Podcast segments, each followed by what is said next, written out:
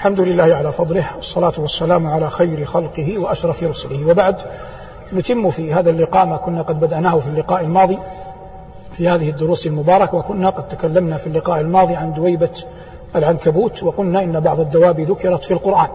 فمنها ما مر معنا في لقاءات سابقة في أعوام قد خلت بفضل من الله وكرمه مثل البقرة والفيل والنمل. وفي اللقاء الماضي عرجنا بحمد الله وفضله على العنكبوت والآن نأخذ خاتمة المدثر وقد ذكر الله جل وعلا فيها قوله تعالى فما لهم عن التذكرة معرضين كأنهم حمر مستنفرة فرت من قسورة. ما لهم؟ هذا استفهام يراد به التعجب والمخاطب به في المقام الأول كفار قريش. عن التذكرة أي القرآن؟ لأن القرآن مليء بالذكر الذي يرقق القلوب ويدعو إلى رحمة علام الغيوب. معرضين أي صادون غافلون يعرضون عن دين الله تبارك وتعالى ولا يأبون ويأنفون أن يسمعوه من رسولنا صلى الله عليه وسلم. وهذا عياذا بالله مما صرفهم الله جل وعلا عنه خذلانا له. ثم كتب الله لبعضهم الهداية. فما لهم عن التذكرة معرضين كأنهم. هذه كأن وفق الصناعة النحوية حرف مشبه بالفعل يقال له من أخوات إن ينصب المبتدأ ويسمى اسمه ويرفع الخبر ويسمى ويسمى خبر وهو من حيث النفع من حروف المعاني ويفيد التشبيه يفيد التشبيه ذلك لأنهم يجعلون لبعض الحروف عملا ويجعلون لها معنى فيقولون إن إن وأن للتوكيد ولكن للاستدراك وليت للتمني ولعل للترجي وكأن للتشبيه. قال ربنا كأنهم حمر مستنفرة. الحمر المراد بها هنا الحمر الحمر الأهلية ليست الحمر الوحشية ليست الأهلية. المراد الحمر الأهلية التي هي في صيد في الغالب وليست الأهلية. والفرق بينهما أن الأهلية محرمة وأما الوحشية فإنها مباحة تعد صيدا. كما في حديث الصعب بن جثامة رضي الله تعالى عنه وأرضاه وهو صحابي صاد حمارا وحشيا فلما رأى النبي عليه الصلاة والسلام في سفرة له إلى مكة محرما قدم له شيئا من ذلك. فلم يقبله النبي صلى الله عليه وسلم رد هديته فتغير وجهه. كون النبي عليه السلام يرد هديته. فلما رأى النبي عليه السلام تغير وجهه قال ما منعنا من ذلك إلا أننا حرم. أي أننا متلبسون بالإحرام لا يحل لنا أن نأكل من الصيد. متلبسون بالإحرام لا يحل لنا أن نأكل من الصيد. فدل هذا وهناك أحاديث أخر على أنه جائز أكله. والعرب تضرب به المثل في سرعة جريه. قال ربنا كأنهم حمر مستنفرة أي يستنفر بعضها بعضا. دب الخوف إليها فأصبح كل فرد منها يدعو من معه إلى أن ينفر. ولهذا تبالغ في العدو فكأن أولئك من أهل الإشراك رغم أنهم محفوفون بخير البرية عليه الصلاة والسلام يدعو الناس ويتلو القرآن إلا أن الغفلة التي على قلوبهم والكبر الذي في صدورهم منعهم أن يقبلوا من رسول الله صلى الله عليه وسلم كلامه. كأنهم حمر مستنفرة فرت للخوف من أي بسبب قسورة قيل إنه الرامي وقيل إنه الراعي لكن جمهرة أهل اللغة على أنه اسم من أسماء اسم من أسماء الأسد. فرت من قسورة أي فرت من أي فرت من الأسد. هذا يجعلنا نتكلم تاريخيا ونحن نحاول أن نغير في أحاديثنا بمعنى أننا نحاول في كل لقاء أن نتخذ طريقا يغلب على الظن أنه ينفع من يسمعه أو يشاهده.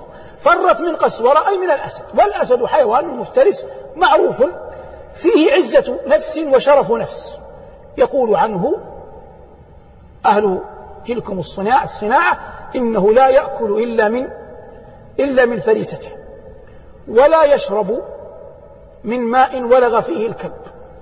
ولهذا يروى من جيد الأشعار إذا وقع الذباب على طعام رفعت يدي ونفسي تشتهيه وتجتنب الأسود ورود ماء إذا كن الكلاب ولغن فيه. ويضرب به المثل بالشجاعة. ولما كانت غزوة حنين قال عليه الصلاة والسلام من قتل قتيلا فله سلبه. وكان أبو قتادة رضي الله تعالى عنه وأرضاه قد قتل قتيلا لكنه لم يجد أحدا يشهد له أنه قتل ذلكم القتيل حتى يأخذ السلب. فلما تكرر نداءه صلى الله عليه وسلم هذا فإذا برجل يقول لآخر يعترف أن أبا قتادة هو الذي قتل. لكن يقول له أرضيه يعني أنا أريد السلب فقال الصديق رضي الله عنه أتعمد إلى أسد من أسد الله. يقصد من؟ أبا قتادة.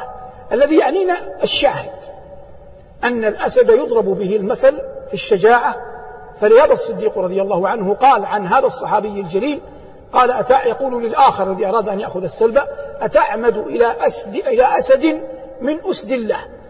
فوصف من كسي شجاعة من مجاهدي المسلمين بأنه أسد مضت به السنة كما أقره النبي صلى الله عليه وسلم في حديث أبي بكر رضي الله تعالى عنه وأرضاه. وعتبة بن أبي لهب تعرض للنبي عليه الصلاة والسلام فدعا عليه دعا عليه قائلا اللهم سلط عليه كلبا من من كلابك لأن الكلب يطلق ويراد به السباع قاطبة.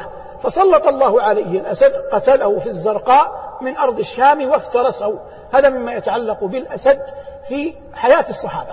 علي رضي الله تعالى عنه وأرضاه هو أول هاشمي تلده. أجيبه. تلده هاشمية.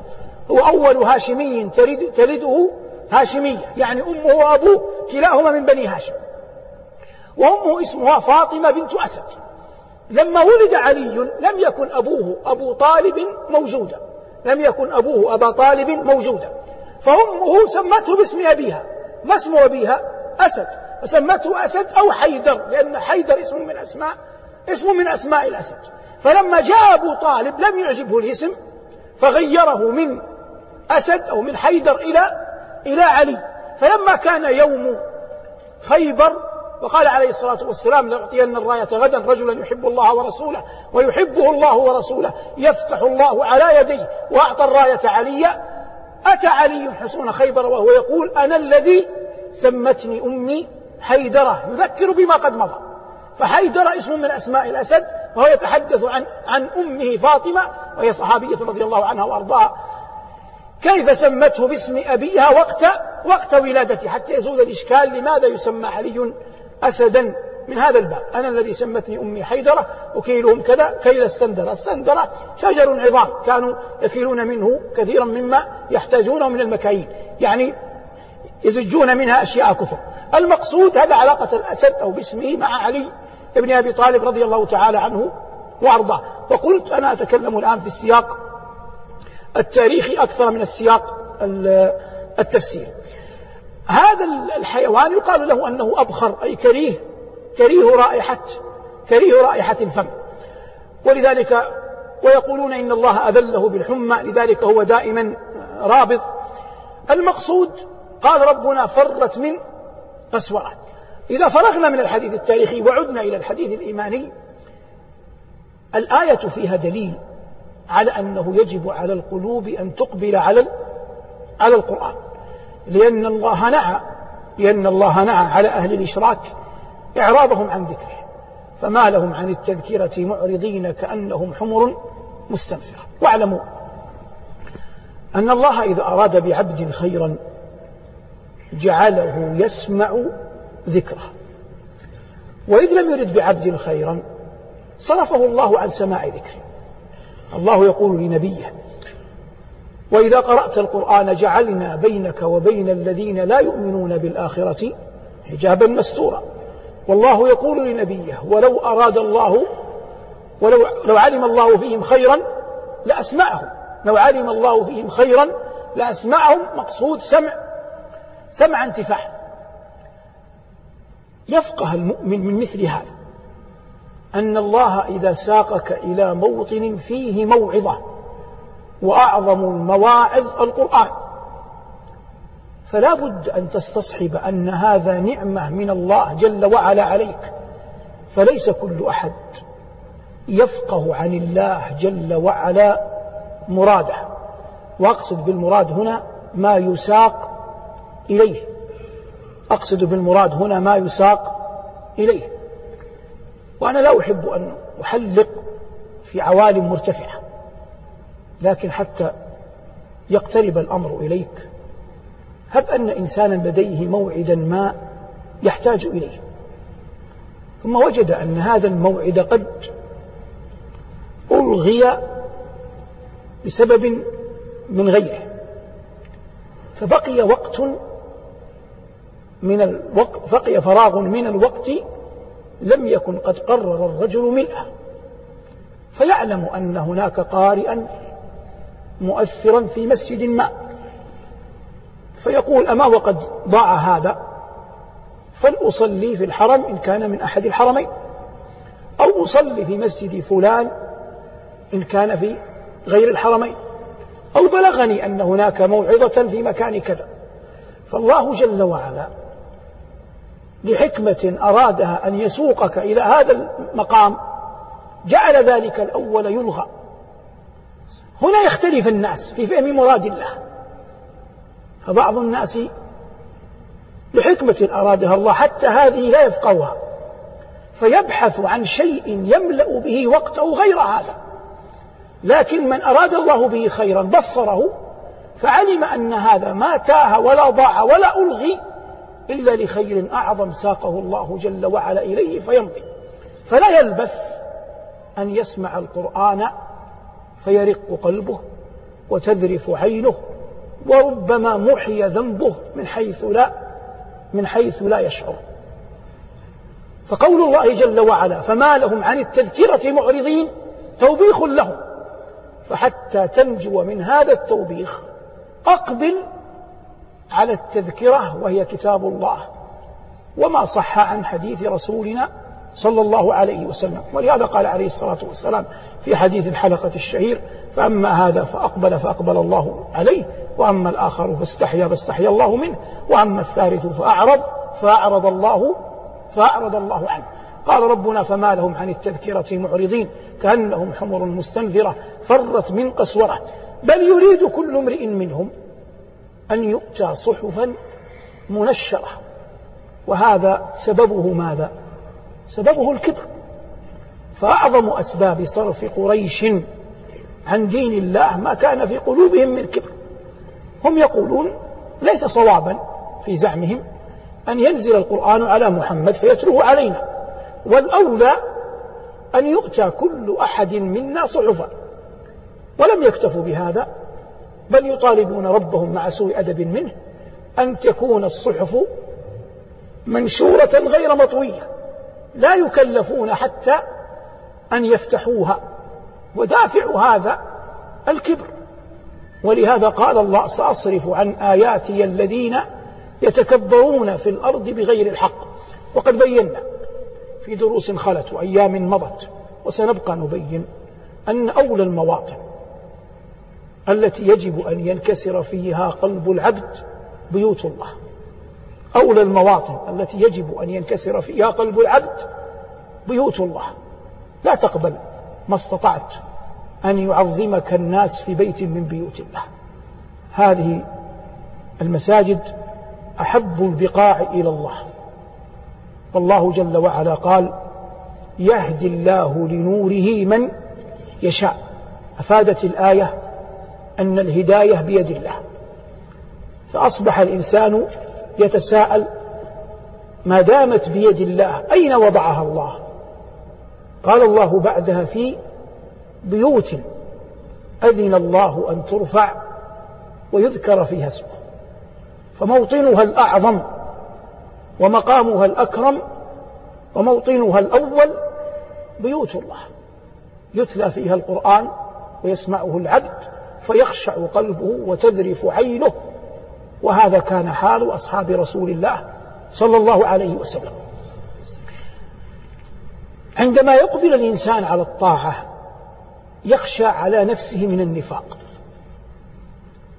ومن خشي على نفسه من النفاق يرجى له السلامة. لكن أنا أعطيك وصايا تجعلك تسعى أن تنجو من النفاق في أمرين.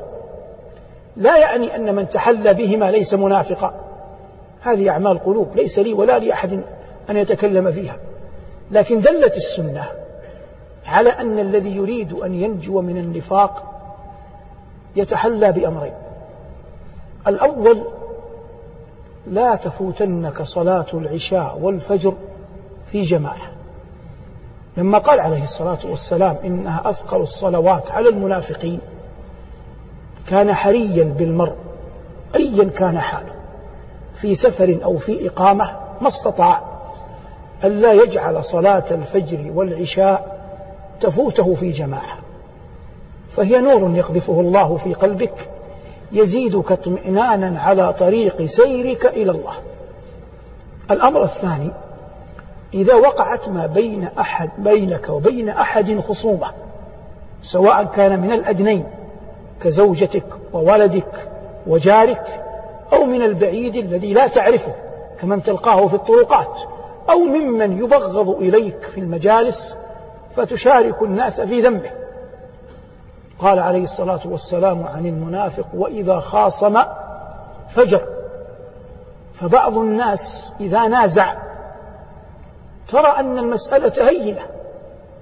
أخطأ زيد أو عمرو في فتوى أو في مسألة أو زوجة في تقديم طعام أو تأخيره أو جار في عبث ولده أو لهوه أو أخاه في إتيان موعد أو تأجيله. ولا يحتمل الأمر كل هذا. لكنه عياذا بالله تجد خطابه يبالغ وكأن الأمر شيء عظيم. ونبينا صلى الله عليه وسلم لما عد المنافق قال وإذا خاصم فجر فأنت لا أحد أعز عليك من نفسك. فلا تقبل أن تسمع صوت المؤذن في العشاء. حي على الصلاة حي على الفلاح وتأبى أن تأتيها. ولا تقبل أن يقول مؤذن حي على الصلاة حي على الفلاح في الفجر وتأبى أن تأتيها. أنت عندما تسعى كل خطوة تقربك إلى المسجد تبتعد بك عن النفاق. كل خطوة تقترب بك إلى المسجد تبعدك عن عن النفاق. هذه هذا هو المضمار الذي يتنافس فيه المتنافسون. وقد قلنا. ونحن نعلم وأنت تعلم. والله لو أن ملكا من ملوك الدنيا جلس أو أسند ظهره في مكان عال ورأى أحدا ورأى أحدا يمشي إلى قصره يطلبه وترك ملوك الأرض غيره لاستحيا أن يرده مع أنه لا يوجد ملك. يعطي إلا وينقص من خزائنه بمقدار ما يعطي. فهو قبل أن يعطيك فيكثر ينظر في نفسه يخاف أن يكثر فتنفد خزائنه. ولله المثل الأعلى. أنت تقدم على بيت من بيوت الله والله جل وعلا ليس كمثله شيء. يراك. ويرى خطواتك ويرى أنك جئت تطلب فضله. فإذا كان من خلق الله فيهم المروءة والرحمة ذلك صنيعهم. فكيف بصنيع الله جل وعلا بمن قدم على بيته يطلب فضله؟ ولا يظن بالله إلا الظن الحسن. ثم نزيد مع العلم واليقين أن خزائن الله لا لا تنفد. قال الخضر لموسى لما نقر العصفور في البحر قال يا موسى ما نقص علمي وعلمك من علم الله إلا كما أخذ هذا العصفور من البحر. وفي الخبر الصحيح عند مسلم لو أن أولكم وآخركم وإنسكم وجنكم قاموا في صعيد واحد فسألوني فأعطيت كل ذي سؤل مسألته ما نقص ذلك من ملكي شيئا؟ إلا كما ينقص المخيط إذا أدخل البحر. اللهم إنا نسألك من فضلك العظيم. اللهم إنا نسألك من فضلك العظيم. اللهم إنا نسألك من فضلك العظيم. والحمد لله رب العالمين.